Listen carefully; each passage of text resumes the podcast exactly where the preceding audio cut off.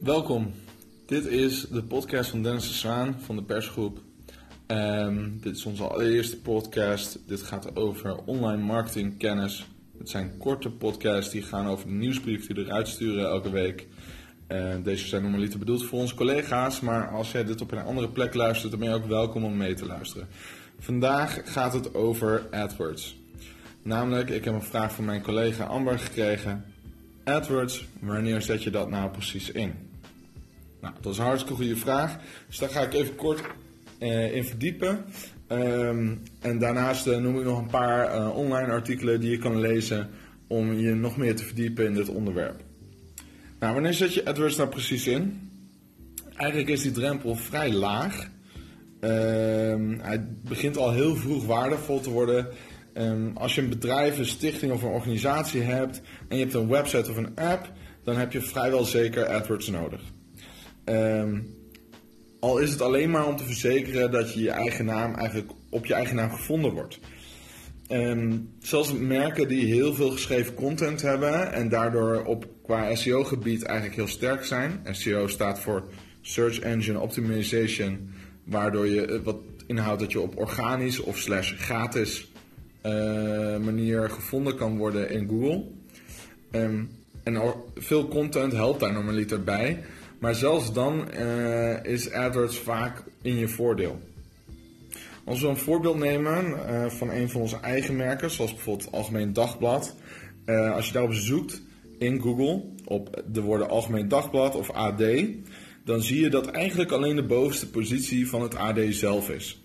De rest van de posities zijn genomen door concurrenten of sites die informatief willen zijn over dit merknaam.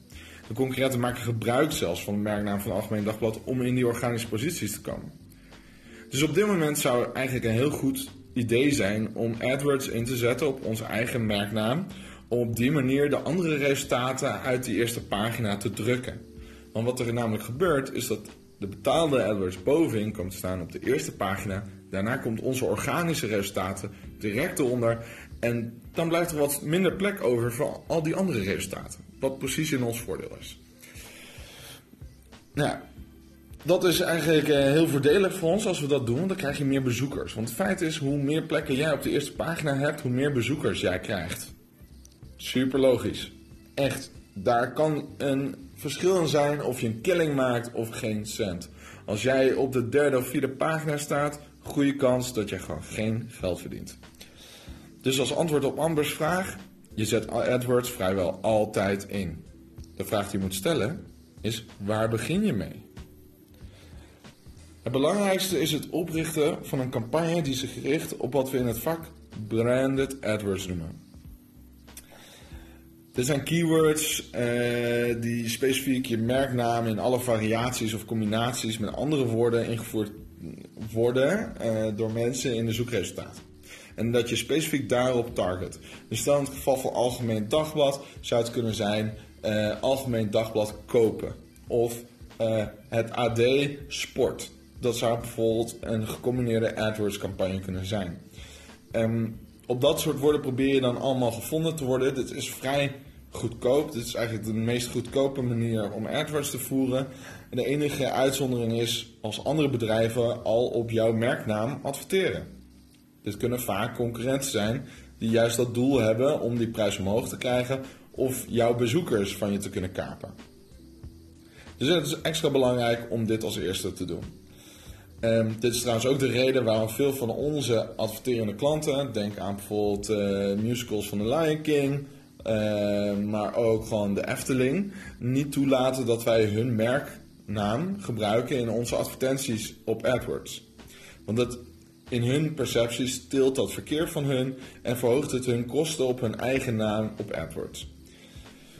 Ja, als je hier veel meer over wil lezen, dan uh, raad ik aan om terug te kijken naar mijn nieuwsbrief. Uh, als je die nog niet uh, ontvangt, kan je je inschrijven door je gewoon naar mij te mailen naar dennis.de.zwaan.persgroep.nl. er zal ook in de beschrijving van deze sound kan je dat terugvinden.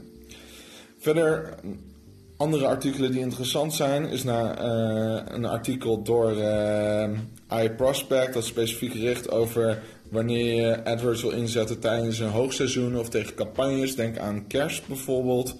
Um, en hoe dat anders is in verhouding met normale doorlopende AdWords. Eigenlijk een heel belangrijk onderdeel. er zitten hele andere uh, pacingen in, een hele andere tempo waar je rekening mee moet houden. Ook hier zit de link in de nieuwsbrief. Um, en als laatste hebben we nog een stukje over de best for your buck. Dat betekent, het gaat over ad quality score. Nou, wat is dat nou precies? Wat houdt dat er nou precies in? Het heeft uh, heel concreet in het kort heel veel invloed op de prijs van je AdWords.